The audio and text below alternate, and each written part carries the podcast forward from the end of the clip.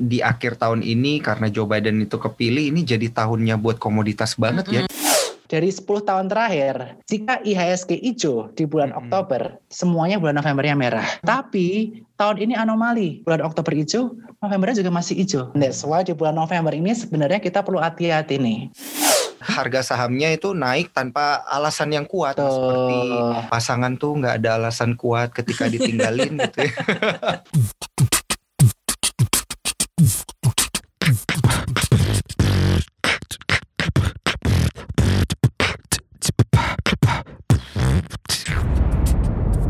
Cuap-cuap cuan. Halo Sobat Cuan. Halo Sobat Cuan. Sudah hari Senin lagi berarti waktunya Iya. Alin Dan juga Daniel untuk, untuk berbincang nih. tentang kembali lagi nih Mm-mm. topik kesukaan dari Sobat uh, Cuan, sobat cuan kita di cuap-cuap cuan itu adalah konten saham. Betul. Kalau Mhm. konten saham tuh banyak banget yang nungguin dan juga ngedengerin. Dan kali ini ini bisa jadi insight yang sangat menarik ya, Hmm. Daniel ya, karena terkait dengan kondisi terkini pasca terpilihnya Joe Biden sebagai presiden Amerika Serikat gitu. Kita akan ngomongin bagaimana dampaknya ke bursa saham Indonesia. Kemudian juga ada apa lagi Nil? kita akan diskusiin biasa nih ada euforia akhir tahun Hmm. itu biasanya kan selain ada window dressing biasanya juga ada Santa Claus rally. Nah, Nah, gimana nih apakah Santa memanfaatkannya? Claus Rally Mm-mm. itu gitu ya Mm-mm. gimana kita dapat cuannya? Nah, kita akan tanyakan langsung ke siapa Nil? Kita akan tanyakan langsung ke CEO dari Sukor Sekuritas ada Bernardus Wijaya. Halo, Bro Bernard. Ya, halo Mas Daniel, halo Mbak Alin, apa kabar? Baik. Kabar baik. Sebelumnya kita mau ucapin selamat dulu nih, udah naik pangkat jadi CEO Sukor Sekuritas. Oh, selamat ya. biasa ya. Karirnya demikian cemerlang ya. Daniel. Semakin Mbak cuan. Kita kenal udah lama nih ya Mas Daniel ya. Iya, biasanya kita Kita ngobrol di CNBC. Indonesia, Nah, tapi Jadi Daniel udah sering ini ya mencuri ilmu ya Mm-mm. untuk kepentingan pribadi, portfolio pribadi ya secara gratis. portofolio pribadi dan juga cuan karena Bro Bernard ini emang dia eh, suka berbagi gitu ya Hmm. nanti bisa follow di Instagramnya eh, Bernard Wijaya eh, Bernardus Wijaya gitu ya Instagramnya ya Bro di sana ada banyak banget Bernard Wijaya 17. Bernard, Oh, Bernard Wi- Wijaya Wijaya 17. 17. Nah, di Instagramnya ini ada banyak banget konten-konten saham dan Hmm. juga ilmu-ilmu saham yang biasa di-sharing oleh Bro Bernard begitu ya. Nah kita langsung aja mulai ya ke topik pembahasan kita yang Mm-mm. pertama Nil apa Nil? Yaitu adalah Biden effect. Uh. Mm-mm. Ini kan kalau kita lihat setelah Biden terpilih gitu ya lima hari Iya, berturut-turut betul. IHSG hijau ya Nil. hijau hijau royo-royo dan hijaunya tuh nggak main-main Mm-mm. teman-teman karena dinaikin gitu ya dari level 5.200-an gitu sampai menyentuh level 5.500-an gitu. Mm-mm. Nah, apakah akan berlanjut? Nah, nggak 6.000. tahu. Nah, langsung aja kita tanya nih ke Bro Bernard. Ini terkait dengan Biden effect nih, Bro. Apakah lima hari berturut-turut terus kemudian patah ini apakah bakal berlanjut gitu merah atau nanti Akan ada potensi lagi. Eh, eh, atau cuman bear trap doang ini? Jadi pasti teman-teman penasaran ya setelah Joe Biden terpilih ini apa sih yang terjadi dengan IHSG dan kemarin kita melihat banget ya Mas Daniel dan Mbak Alin Iya. bahwa selama lima hari berturut-turut IHSG rally kencang bahkan sempat menembus atas 5.500 karena inflow asing yang sangat besar yaitu sekitar 5,5 triliun. Hmm. Mhm. Nah, inflow asing yang sangat besar ini dikarenakan Joe Biden yang istilahnya dia pro terhadap emerging market di mana dia akan meningkatkan corporate tax di Amerika sana sehingga aliran dana itu sebagian besar akan cenderung untuk mengalir dari Amerika ke emerging market. Salah Mhm. satunya yang menarik adalah Indonesia. Oleh karena itu tidak heran lima hari beruntun IHSG mengalami kenaikan dan asing masuk 5,5 triliun. Nah, selain itu kita juga melihat bahwa Joe Biden ini kebijakannya pro terhadap stimulus. Mhm. Nah, di mana dengan pro yang stimulus ini kecenderungannya USD akan melemah dan akan adanya inflasi yang lebih besar di masa yang akan datang. Dan Hmm. tentunya stimulus yang digelontorkan ini pun akan meluber pula ke negara-negara berkembang. Kita salah satunya Kita. ya. Indonesia. Oh. Dan yang tidak dikira-kira oleh orang-orang adalah efek yang lainnya nih. Apa Mungkin itu? Bro tahu Alibaba? Tahu Oh, tahu. iya. Ali Alibaba Jack Ma. punyanya Jack Ma, ya. Mm-mm. Yes, jadi salah satu perusahaannya Jack Ma Hah? and financial. Tadi kan Hmm. mau IPO tuh. Mm-mm. Iya. IPO-nya gila-gilaan. Ini Mm-mm. bakal menjadi biggest financial institution di Asia dengan market cap terbesar. Sehingga Oh, waktu sebelum pengumuman Biden kita melihat asing keluarnya cukup besar keluar negeri terutama di sektor perbankan karena mereka itu mau lari mau book building sahamnya and financial di China Hmm. dan di Hong Kong sana. Waduh. Nah, akan Perputaran tapi uangnya bro kan tahu banget. ya. Heeh, nggak jadi tuh. tiba nggak jadi tuh. Iya, IPO gimana tuh nggak jadi? Financialnya. Heeh. Nah, sebenarnya karena nggak jadi itu, itu jadi dampak positif juga buat indeks kita. Oh. Jadi- Gimana tuh bro? Jadi uang yang sempat lari ke luar negeri untuk book building IPO and financial itu akhirnya balik lagi nih ke Indonesia. Lagi.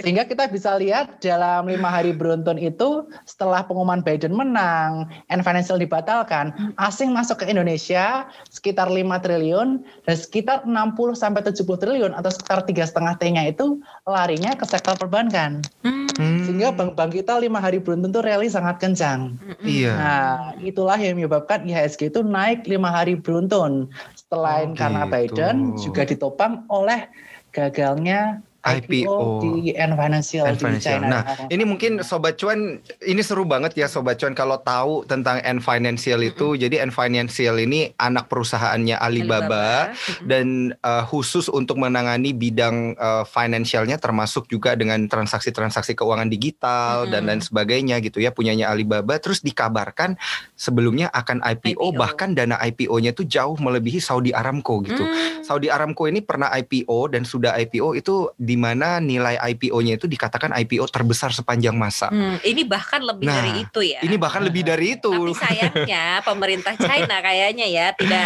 merelakan kalau misalnya Iya. ada institusi yang lebih besar dari negaranya. Iya. Sehingga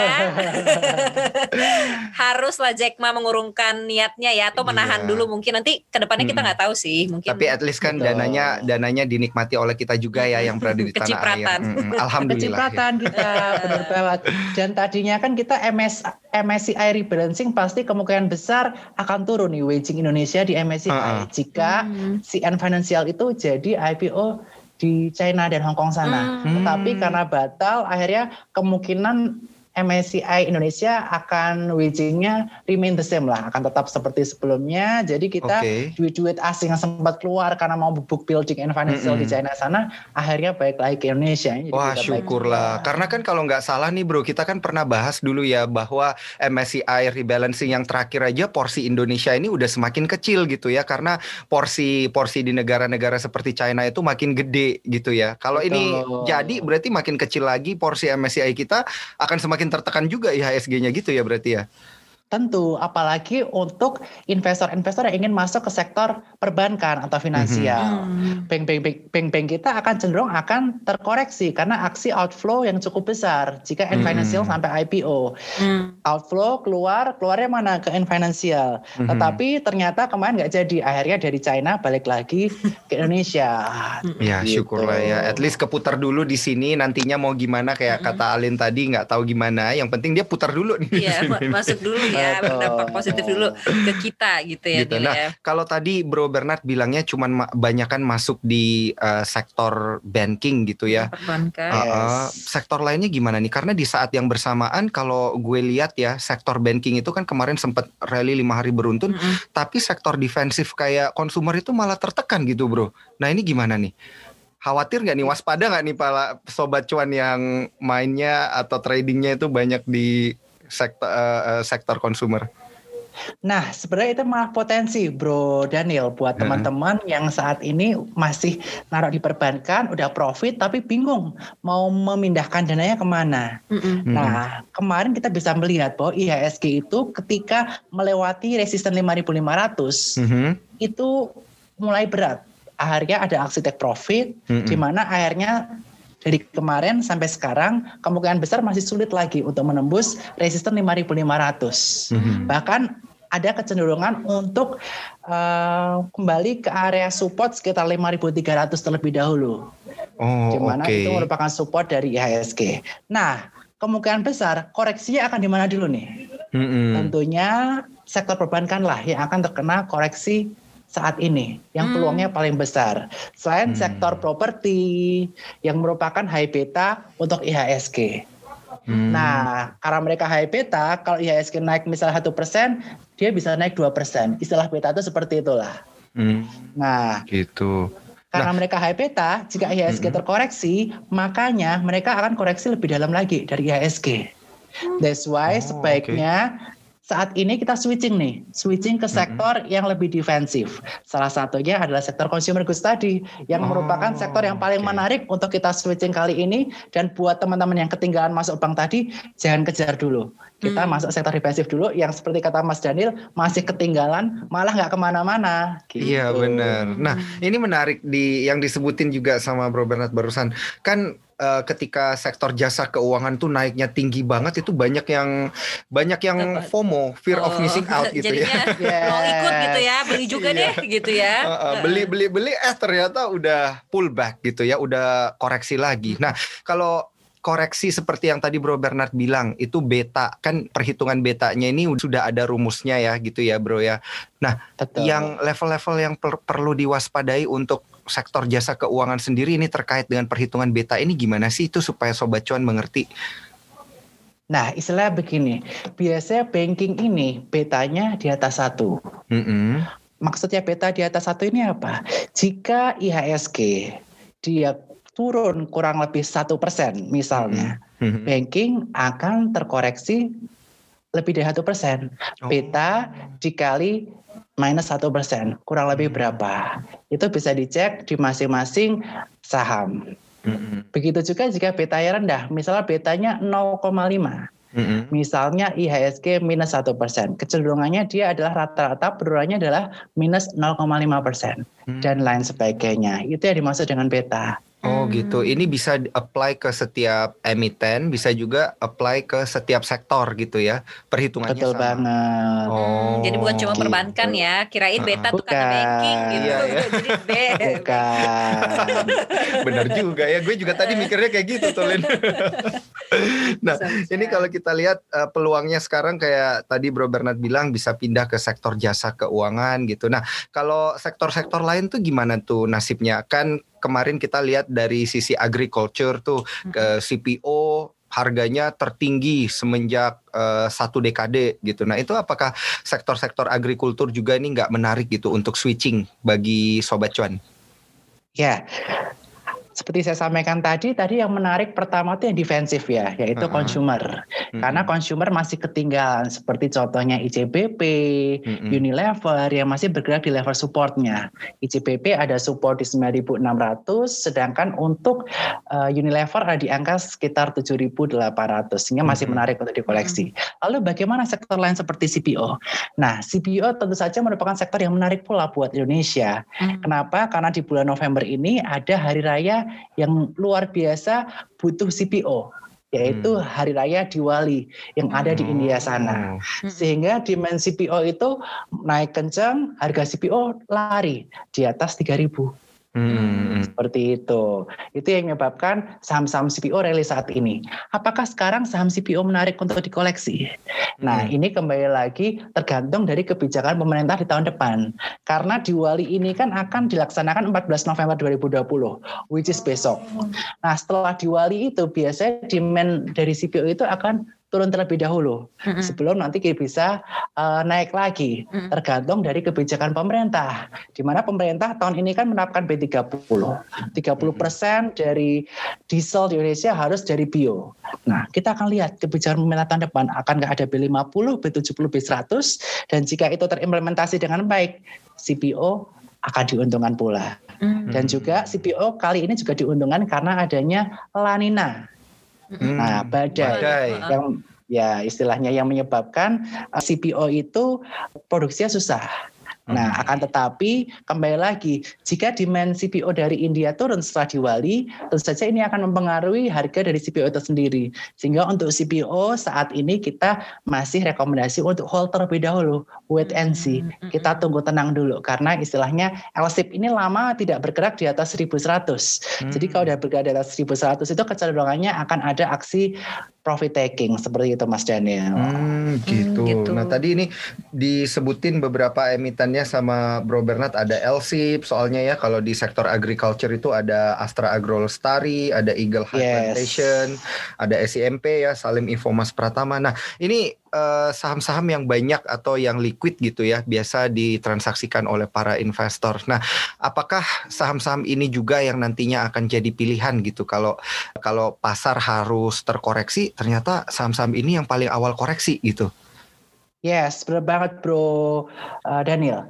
Harga-harga saham IP CPO ini kecenderungannya akan mengikuti harga dari CPO itu sendiri. Hmm. Mengapa? Karena revenue stream atau pendapatan usaha istilahnya dari perusahaan-perusahaan seperti LSIP, AALI ini sangat bergantung dari penjualan CPO mereka. Mhm. Nah, jika penjualan CPO-nya tetap volumenya misal, tetapi Mhm. harga CPO-nya turun, hasilnya bagaimana? Mhm. Revenue dari perusahaan tersebut akan turun. Mhm. Nah, karena sentimennya seperti itu, investor cenderung ah aku jualan dulu deh, aku sell off dulu, profit taking dulu. Kita tunggu harga CPO-nya stabil lagi atau udah di bottom lagi, kita baru beli lagi. Seperti itu pemikiran investor karena mempengaruhi performance dari perusahaan CPO itu sendiri. Hmm. Nah, ini salah Gitu. satu alasan kita ngomongin komoditas itu juga karena ada hubungannya ternyata bro dengan Biden effect ini. Nah, jadi gini Lin, Mm-mm. katanya itu ketika Biden ini terpilih kan Biden itu lebih pro ke green, energy. Mm-mm. Jadi Betul. katanya uh, dan juga akan lebih lunak daripada Trump sehingga uh, para investor ini risk appetite-nya tuh naik kembali gitu. Nah, ini kalau dari sudut pandangnya Bro Bernard gimana nih? Apakah semua komoditas ini nanti bakal naik nih ketika Biden benar-benar mimpin? Nah, ini pertanyaan yang seru banget nih Bro Daniel nih. Mm-mm. Ini yang banyak didiskusikan di market juga sekarang tentang kebijakan Biden terkait tentang green energy. Mm-mm. Jadi kebijakan Joe Biden ini diperkirakan akan kecenderungannya apa?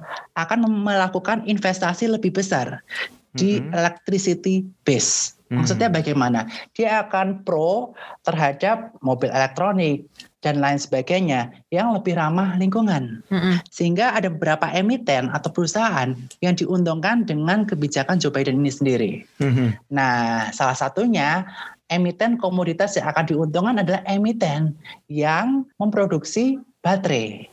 Yaitu Hmm. emiten apa Bro Daniel pasti udah tahu ya. Tahu yang produksi nikel, Nikel. kan? Yes, benar banget. Jadi emiten yang produksi nikel akan diuntungkan karena ke depannya arahnya adalah green energy, Mhm. electric vehicle. Dan Tesla dikabarkan akan membangun pabrik di Indonesia, yaitu Hmm. di daerah Batang sana. Sehingga jika ada pabrik mobil electricity di sana, tentunya gimana?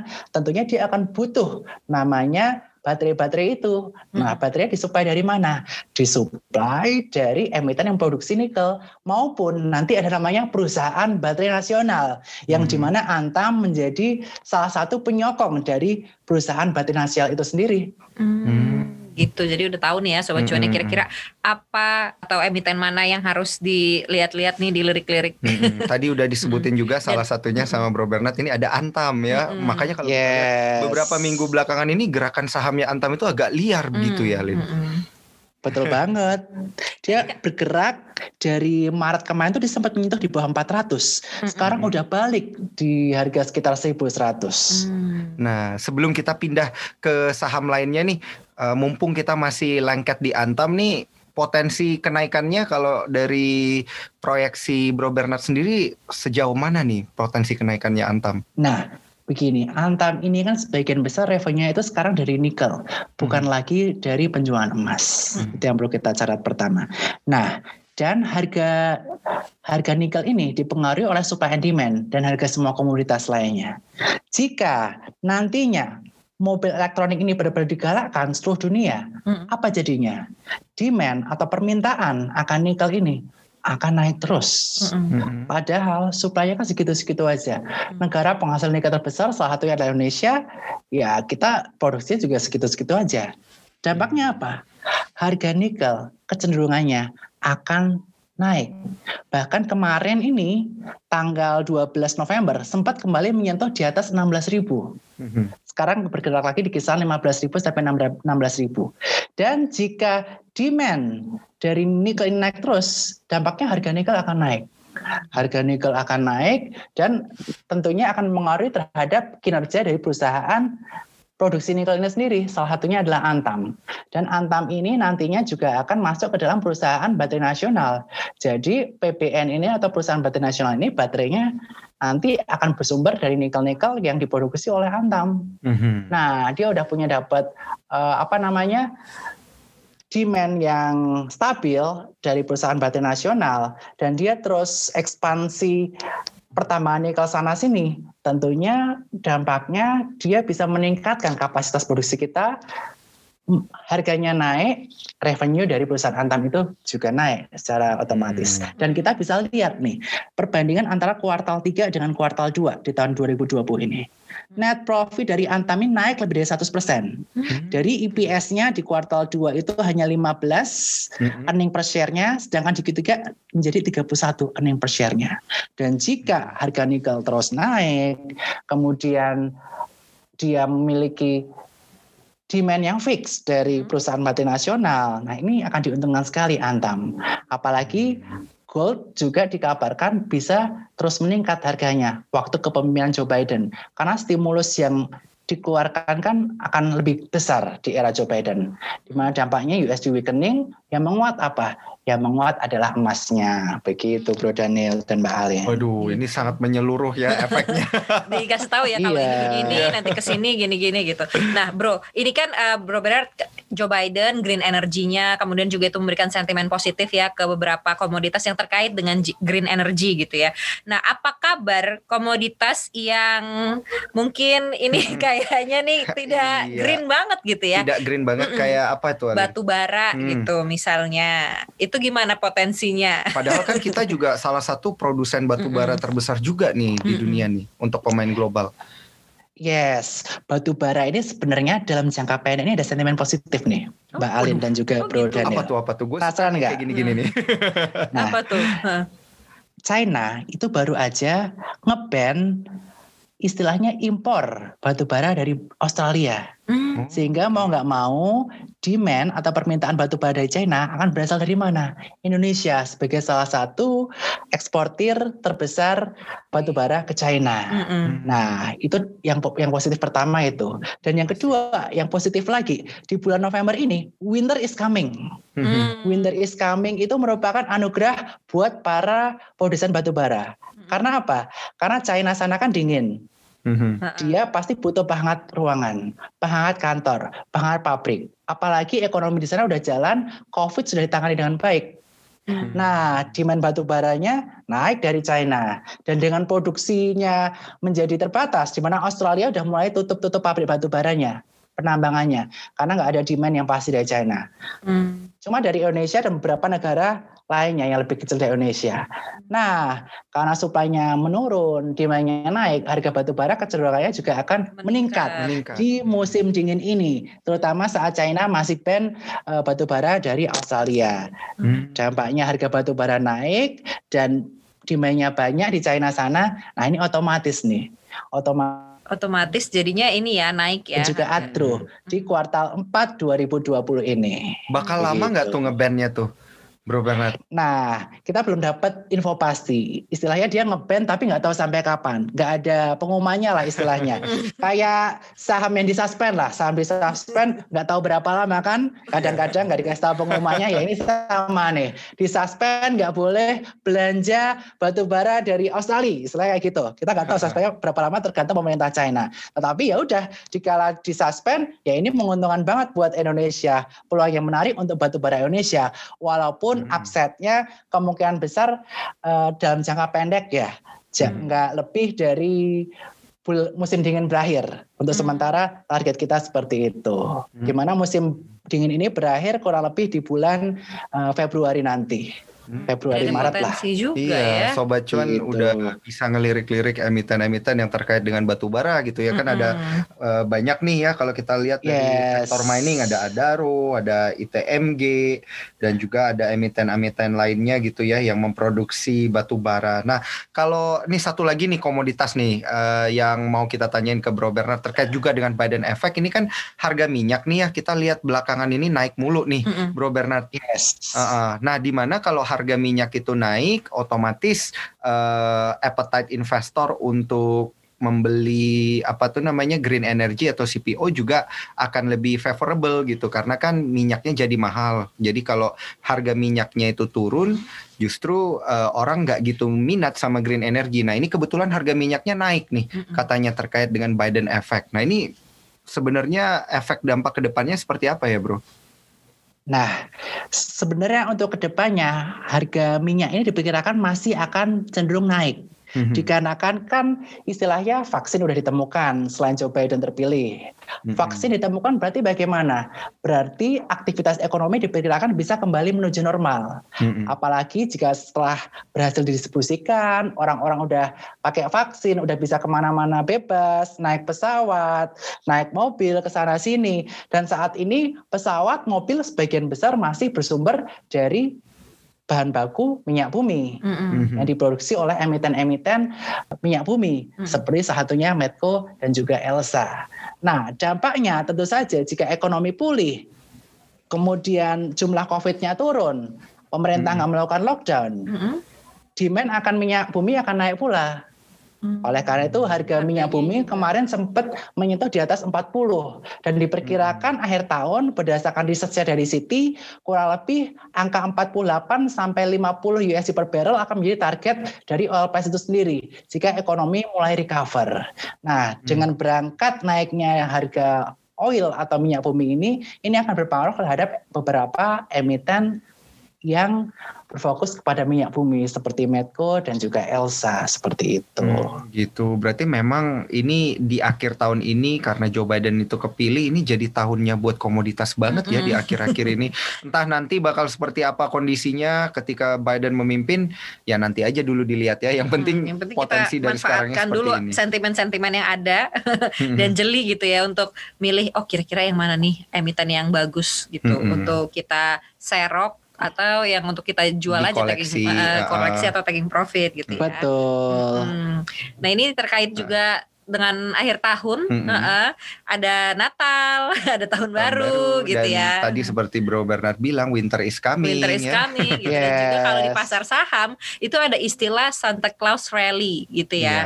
Nah, ini kita yeah. mau uh, minta penjelasan dulu deh ya dari Bro Bernard gitu. Apa sih Santa Claus Rally mm -hmm. itu gitu?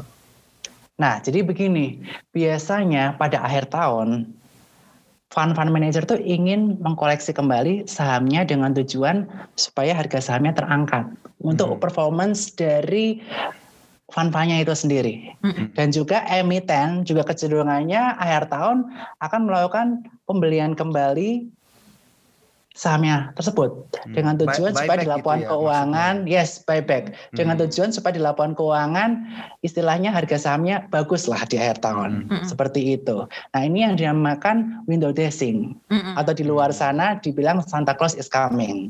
Hmm. Kalau yang umum biasa di seluruh dunia adalah window dressing. Nah di tahun ini banyak yang bilang nih window dressingnya kecepatan. Karena banyak analis menyatakan target IHSG akhir tahun itu kisarannya sekitar 5.300 sampai 5.400. Mm-hmm. Termasuk Sukor targetnya 5.300. Mm-hmm. Tapi kemarin udah achieve udah nih. Uh-uh. Iya. Udah 5.400 lebih, lebih, lebih. Bahkan udah lebih banyak banget. Karena ada ya sentimen dari Joe Biden, penemuan vaksin, kemudian ada omnibus law dan lain sebagainya mm-hmm. yang mengakibatkan banyak investor asing tertarik untuk masuk ke Indonesia. Nah, bagaimana dengan perkiraan akhir tahun? Nah, untuk saya sendiri saat ini saya prediksikan IHSG ini masih akan sulit menembus hmm. angka 5.500 ya sampai akhir tahun. Sehingga hmm. kecenderungannya di bulan November ini karena naiknya udah cukup kencang ya dari 5.100-an dan sampai 5.500-an ya Mas Daniel ya. Hmm. Nah, kemungkinan para investor akan melakukan aksi taking profit hmm. di sektor-sektor terutama perbankan dan juga properti. Nah, mereka akan mulai beralih ke instrumen yang lebih defensif seperti sektor consumer maupun sektor-sektor yang belum naik cukup signifikan seperti hmm. PTBA, Agro, atau sektor pertambangan dan lain sebagainya. Nah, saya prediksikan sih akhir tahun ini kisarannya masih sekitar angka 5.500 sampai 5.600 lah. Mm-mm. Maksimal di situ untuk akhir tahun ini. Berarti maksimal ini 5.500 ya sampai akhir tahun. Artinya ini kan kalau kita ngelihat pergerakan IHSG ini masih main di 5.400-an gitu ya. Potensi terkoreksinya secara keseluruhan ini menjelang Santa Claus Rally bakal gede banget dong ya bro ya?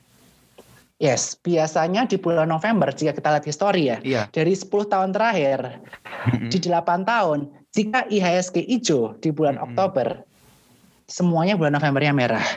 Oh. Tetapi tahun ini anomali, di mana waktu bulan Oktober hijau, Novembernya juga masih hijau. Hmm. Nah, that's why di bulan November ini sebenarnya kita perlu hati-hati nih. Buat teman-teman yang FOMO, tahan-tahan dulu. Cari sektor yang ketinggalan. Hmm. Iya, iya. Karena masih ada potensi koreksi di bulan November ini, karena bulan November ini anomali sekali. Terutama Hmm. karena adanya Joe Biden, vaksin, omnibus law, dan lain sebagainya yang berita bagusnya keluar semua. Tetapi Hmm. ada beberapa hal yang perlu kita perhatikan nih, Mm-mm. Bro Daniel, yang bisa menjadi sentimen negatif di bulan November ini. Mhm. Apa? Yang pertama, Heeh. terkait kasus COVID Mhm. yang peningkatannya cukup pesat di Amerika sana, Mhm. bahkan terus mencetak rekor tertinggi. Hmm. Nah, yang kita takutkan apa? Joe Biden ini kan pro lockdown Iya. Hmm. dan juga beberapa negara bagian waktu itu seperti Illinois, Mhm. Chicago udah memperlakukan lockdown, nggak Hmm. boleh ke restoran lah Hmm. daerah-daerah tersebut. Nah, kita takutkan kalau COVID-19 di US sana semakin meningkat terus, Amerika akan mengalami lockdown. Hmm. yang merupakan kebijakan dari Joe Biden. Dan itu bisa menggembarkan dunia. Karena Hmm. berarti aktivitas perekonomian di sana bisa terhenti. Hmm. Kalau terhenti bagaimana? Ekonomi nggak berjalan, uang tidak muter, investasi menjadi eh, kurang berkembang. Itu bisa berpengaruh terhadap bursa dunia secara keseluruhan. Nah, yang kedua yang perlu kita perhatikan lagi adalah Trump. Mhm. Trump ini dia masih ngotot bahwa pemilu di Amerika itu curang Curang. karena banyak pengiriman mail-mail di akhir-akhir yang awalnya menang Trump seperti awal-awal kan Michigan Hmm. kemudian beberapa kota lainnya Wisconsin Hmm. kemudian Georgia awalnya yang memimpin siapa Donald Trump Hmm. tetapi di akhir-akhir Akhir. tiba-tiba Biden nyusul karena mail-mailnya sebagian besar milih Joe Biden Hmm. nah itu Mhm. yang menyebabkan Donald Gitu ya. Trump sakit hati lah keki. Wah ini curang nih. Nah panasnya pemilu Amerika Serikat ini juga bisa menjadi bad sentiment yang kita perhatikan di kisaran bulan November ini karena rally-nya udah terlalu kencang menurut Hmm. saya. Sehingga masih ada potensi koreksi dengan support saat ini di angka 5.300. Hmm. Dan mudah-mudahan bertahan ya. Kalau nggak bertahan tembus bisa ke support kuatnya di MA 200 yaitu di 5.110. Nah, ini banyak banget sebenarnya insight-insight dari Bro Bernard. Gue coba tanya satu-satu ya. Ini nih, mulai dari yang paling belakang dulu deh ini. Soalnya yang paling mengerikan itu katanya eh, kita bisa kalau tembus 5.300 itu bisa tembus support kuat di MA 200 gitu ya Bro Bernard ya. Yes. Ini kan ada yang namanya teori bear trap gitu ya atau konsep lah gitu, konsep bear trap di mana pasar itu dibuat seolah-olah koreksi padahal sebenarnya masih tren bullish nih gitu. Katanya itu pergerakan saham bisa sentuh MA20 habis itu dia bakal rally lagi, bakal lanjut hijau lagi. Nah, Bro Bernard lihatnya seperti itu nggak? Apakah ini benar ini bear trap apa bukan sih? Kalau untuk saat ini sebenarnya saat indeks sudah melewati MA 200 sebetulnya itu udah masuk ke fase bullish dalam jangka panjang. Hmm. Itu yang perlu kita perhatikan. Mm-mm. Dan IHSG kali ini udah secara percaya diri, secara meyakinkan tembus di MA 200. Waktu itu di sekitar 5.150. Sekarang MA 200 nya udah turun di 5.110. Dengan meyakinkan naik di situ dan naik naik terus, rally lima hari beruntun. Nah, sampai 5.500. Nah, tetapi di 5.500 ini masih ada support kuat atau resisten kuat yang mengganjal. Nah, ini yang perlu kita perhatikan. Tetapi untuk secara fase, Mm-mm. secara saat ini saya lihat ini udah masuk ke tren bullish, tapi penguatannya saat ini belum didukung oleh fundamental perusahaan-perusahaannya. Itu yang perlu menjadi Hmm. catatan. Karena Oke. penguatannya belum disusul oleh perusahaan-perusahaan yang kembali pulih secara performance. Ini yang bisa menjadi tanda bahaya buat Hmm. kita. Kalau sentimennya udah masuk duluan tetapi fundamental perusahaannya belum pulih, nah ada potensi investor melakukan taking profit. Hmm, ini Seperti inilah itu. istilahnya yang biasa dibilang itu harga saham itu nggak mencerminkan kinerja perusahaan gitu ya. Jadi Betul. duitnya duitnya asal masuk aja, harga sahamnya itu naik tanpa alasan yang kuat gitu. Hmm. Gitu ya sama Betul. seperti apa tuh namanya kalau pasangan tuh nggak ada alasan kuat ketika ditinggalin gitu ya. Yes, benar. Karena Ini ini naik karena most likely karena sentimen, Mm-mm. Mas Ian. Mm-mm. Fundamental perusahaan belum ter- terbaiki seperti sedia kala sebelum COVID. Mm-mm. Seperti itu yang perlu kita perhatikan. Jadi kita perlu berhati-hati terutama di area 5.500 sampai 5.600. Itu rawan taking profit di situ. Nah, ini sobat cuan juga perlu tahu mungkin kan dari tadi kita ngomongin MA20, MA200. Nah, maksudnya sobat cuan adalah ini bukan mengabaikan sobat cuan ya. Ini maksudnya adalah itu adalah pergerakan rata-rata harga sahamnya kalau MA200 berarti uh, rentang 200 hari atau biasanya setahun gitu ya. Hmm. Kalau MA5 berarti pergerakan rata-rata seminggu. Seminggu, ya. Kalau 20 berarti sebulan. Sebulan. Nah, kurang Hmm. lebih kayak gitu. Nah, terus tadi kan Bro Bernard juga sempat bilang kalau Amerika lockdown itu mengerikan, Mm-mm. dampaknya juga akan besar bagi Indonesia. Nah, ini eh, sangat memungkinkan terjadi karena tentunya kita tahu ekspor kita itu gedenya juga ternyata ke Salah Amerika, satunya ya, eh, salah selain satu ke negara. China. Jadi kalau aktivitas ekonomi di Amerika berhenti, ekspor kita ke sana juga bakal sulit banget gitu ya, akan menekan kondisi ekonomi kita, gitu ya kurang lebih ya, sobat cuan. Nah, kalau kita ngelihat nih eh, tadi proyeksi kita udah ngomongin sama Bro Bernard, kemudian eh, sektor-sektor saham dan lain sebagainya. Ini masih mengganjal nih satu, ada sektor properti gitu. Nah, karena kan kemarin mungkin banyak sobat cuan yang nggak pernah terlalu perhatiin ya Mm-mm. sektor properti ini banyak yang ninggalin karena katanya terlalu terdampak efek pandemi gitu. Tapi ternyata sektor properti belakangan ini naik mulu nih. Bro Bernard ini alasannya kenapa nih? Yes, jadi begini. Pasar saham itu merupakan forward looking, look forward.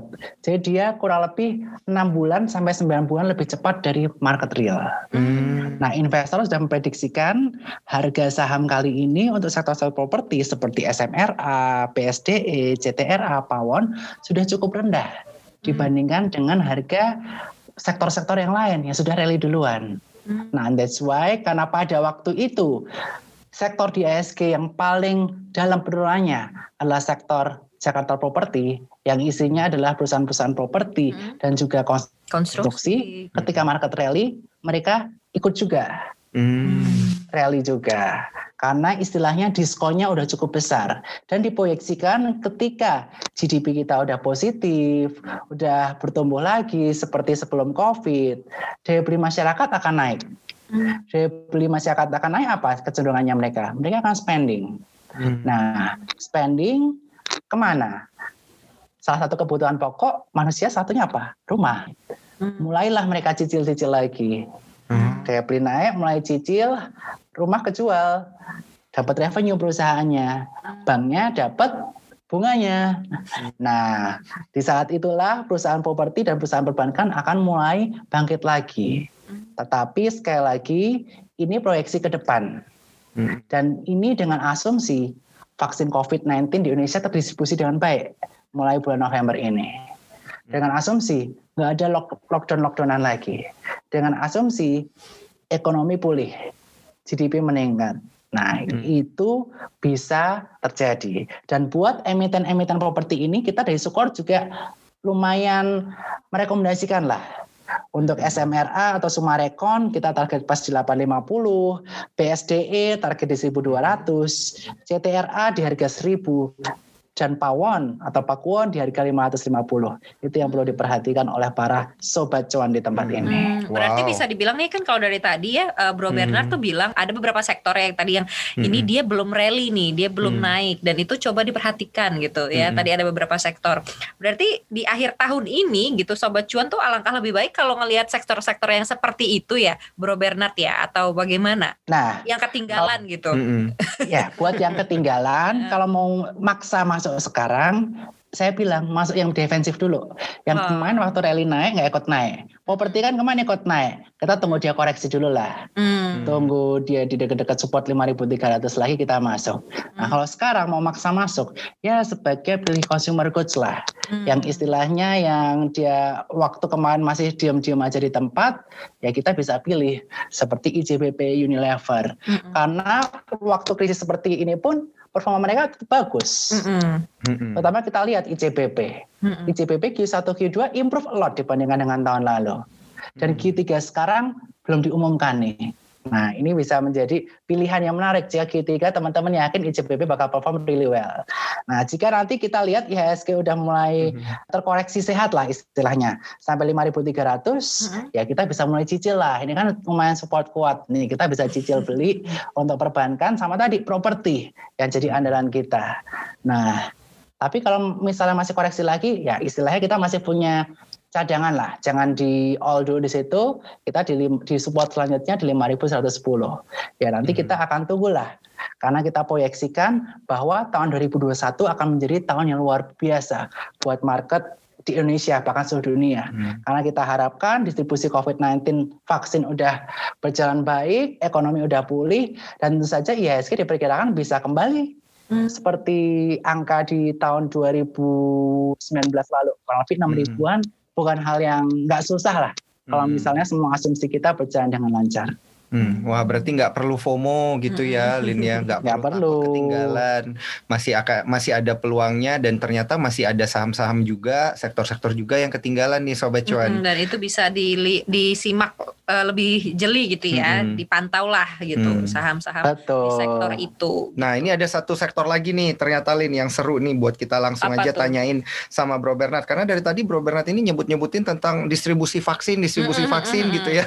Dan ini juga salah satu sentimen kuat ternyata berkenaan dengan Joe Biden ini atau Biden effect. Nah kita lihat saham-saham terkait dengan Farmasi vaksin di eh, eh, di tanah air nih farmasi ada KF, ada KLBF, ada INAF, ada PIVA gitu ya. Tapi ternyata kayaknya belum tercermin nih Bro Bernard nih justru waktu ada informasi eh, vaksin yang positif justru pergerakan saham kita di tanah air malah negatif nih. Kenapa ya Bro Bernard? Nah, di sini kita bisa melihat saham seperti KF, INAF, secara fundamental mereka belum terlihat cukup atraktif buat Hmm. para nasabah. Terutama jika kita melihat performa dari PE ratio-nya. Hmm. Nah, oleh karena itu para investor masih menghindari saham-saham tersebut karena Hmm. dinilai masih belum atraktif secara valuation wise dan rumor-rumor ini kan udah berulang kali muncul ya, Bro Daniel. Dari dulu kita Hmm. rumornya farmasi, farmasi, farmasi. Tapi Q2, Q3 belum terreflect nih di laporan keuangan. Hmm. Nah, oleh karena itu investor masih melakukan aktivitas wait and see untuk emiten ini. Hmm. Nah, malah ada emiten lain nih yang menarik Terkait performanya dengan di kuartal vaksin ya? Terkait dengan vaksin Mm-mm. dan juga Waduh, yang mana tes Bro? rapid yaitu Uh-uh. IRA, IRA. Itama Ranoraya. Yaitu Oh, dia oke. yang mendistribusikan apa? suntik ya, jarum suntik. Oh. Betul. Tentu saja nanti waktu kita mau vaksin butuh apa? Nyuntik. Mm-mm. Mm-mm. Orang-orang pada pergian terbang butuh apa sekarang? Rapid test, suntik. Mm. Suntiknya pakai apa? Jarum suntik. Nah, Hmm. yang menarik adalah IRA nih. Dia EPS-nya di kuartal 3 naik dari 5 earning per share menjadi 16 earning per share atau naik menjadi tiga kali lipatnya Iya, dari kali 5 ke lipat. 16. Jadi ini menarik banget kita perhatikan bahwa betul kebutuhan jarum suntik di Indonesia meningkat. Karena mungkin pada parno ya istilahnya. COVID ini kan dampaknya kan berbahaya sekali ya. Death rate-nya juga lumayan lah. Walaupun dibilang kecil yang meninggal karena COVID juga banyak lah. Begitu kan bro eh, Daniel. Nah biasanya mereka sering cek. Termasuk saya, saya dua minggu sekali pasti cek. Hmm. Nah jarum suntik kan pasti kan semakin banyak dipakai. Itulah yang menunjukkan performance IRA di Q3. Dan di Q4 ini kalau masih vaksin belum didistribusi, tentunya banyak orang yang masih minta suntik-suntik rapid lagi. Mm-mm. Yang mau terbang, mau liburan, pasti harus suntik-suntik rapid lagi. Pakai jarum suntik. Belum lagi tahun depan. Kalau distribusi vaksin berjalan lancar, ya tentunya semua orang pakai jarum suntik ini. Hmm, jadi Gitu. Ini yang perlu ini- kita perhatikan. Iya ini ya Hmm. karena selama ini kita cuman perhatiin vaksinnya, Vaksinnya doang. aja farmasi aja ya. iya gitu. ternyata ada emiten suntik-suntiknya. ini menarik juga untuk kita perhatiin ternyata sobat cuan. Nah, Betul. nah ini satu pertanyaan terakhir dari saya dan juga Alin di cuap-cuap cuan nih supaya semakin cuan ini Mhm. sobat cuan kita yang mendengarkan ada saran-saran terakhir nggak gitu dari Bro Bernard menjelang akhir tahun 2020 sama di sepanjang November 2020 ini deh. Yes. Jadi kalau buat teman-teman yang fokusnya adalah long term. Maksudnya long term itu apa? Lebih dari satu tahun lah. Mm-mm. Nah, sebenarnya tahun ini merupakan kesempatan emas buat teman-teman masuk ke perusahaan-perusahaan yang ada di indeks kita. Terutama saham-saham yang pengaruhnya atau earning recovery-nya bakal cukup bagus Hmm. setelah vaksin ini distribusi. Hmm. Contohnya apa? Perbankan, Big Four, BPJA, BPRI, BPNI, BMRI, plus BPTN. Tentu saja ketika COVID-19 berhasil didistribusi, ekonomi mulai pulih, earning recovery mereka bakal cepat. Hmm. Jadi kalau buat investor jangka panjang sebenarnya perbankan is still very good dan juga perusahaan properti karena dengan daya beli masyarakat yang meningkat kemudian performa perusahaan properti yang tahun ini kurang harga mereka udah terjun paling dalam dibandingkan sektor lainnya ini merupakan peluang yang emas dua sektor Hmm. ini untuk tahun yang akan datang Mm-mm. jangka panjang. Nah, kalau untuk teman-teman yang pengen jangka pendek apa nih? Yang investasinya hanya kisaran 3 sampai 6 bulan. Nah, kalau teman-teman yang kisaran 3 sampai 6 bulan atau lebih pendek lagi, kita beli dengan strategi buy on weakness yang lebih aman untuk saat ini. Mhm. Nah, untuk strategi on weakness yang lebih aman untuk saat ini adalah yang pertama sektor consumer. Seperti saya sampaikan tadi, sampai kapan pun kita butuh makan Indomie, butuh keramas mandi dan lain sebagainya.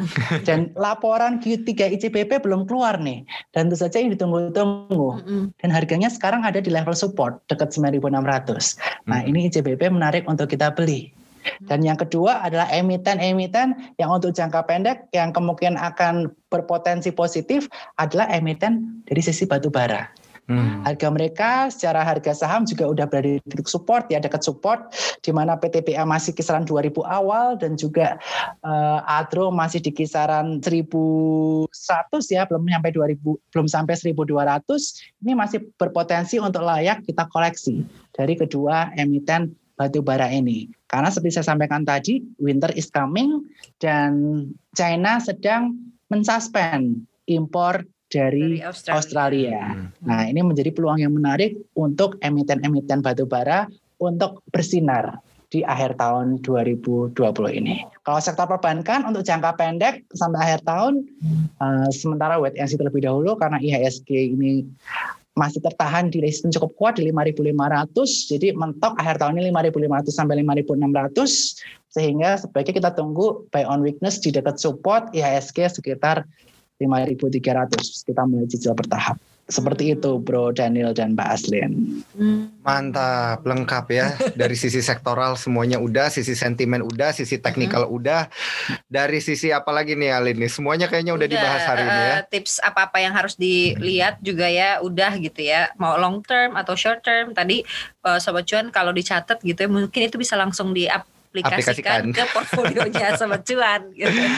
Saya happy Oke. kalau Sobat Cuan ikut cuan. Paling nggak teman-teman merasakan indahnya berinvestasi saham. Gitu ya, Betul. Iya, gitu. Siap. Mm-mm. Jadi nanti senang gitu ya lama-lama Mm-mm. jadi eh, biasa gitu, jadi Mm-mm. terbiasa juga gitu untuk Terbiasa cuan. berinvestasi. Betul. Eh, terbiasa cuan Mm-mm. dan harus terbiasa rugi juga, harus terbiasa rugi, investasi saham jangan maunya cuan aja Ah, ah. gitu. Tapi mau cuan atau nggak cuan, sobat cuan harus tetap dengerin cuap-cuap cuan. Betul, gitu ya. harus punya ilmunya karena Mm-mm. investasi itu gitu ya selain keinginan untuk cuan dan juga harus siap rugi gitu, kita juga harus teredukasi, harus ngerti gitu. Apa sih yang kita beli, apa sih yang kita investasikan gitu sobat cuan. Jadi makanya dengerin terus job-job cuan, terus juga eh, nonton di YouTube-nya CNBC Mm-mm. Indonesia, ya live streaming CNBC Indonesia TV dan juga www.cnbcindonesia.com untuk baca-baca berita seputar ekonomi, bisnis, investasi. Kalau misalnya mau nanya-nanya gitu ya sama Bro Bernard, tadi bisa ya ke Mm-mm. IG-nya. Langsung ke IG aja ya bro ya.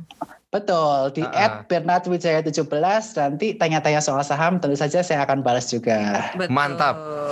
Jadi itu ya kita perbincangan kita di hari ini. Terima kasih banyak Bro Bernard Makasih bro uh, Bernard. atas waktu dan ilmunya yang luar biasa bocoran-bocorannya. Mm-mm. Semoga cuan Yes. selalu dan semoga sobat Amin. cuan juga bisa menuai po- eh, apa cuan begitu ya dari podcast kita. Yes.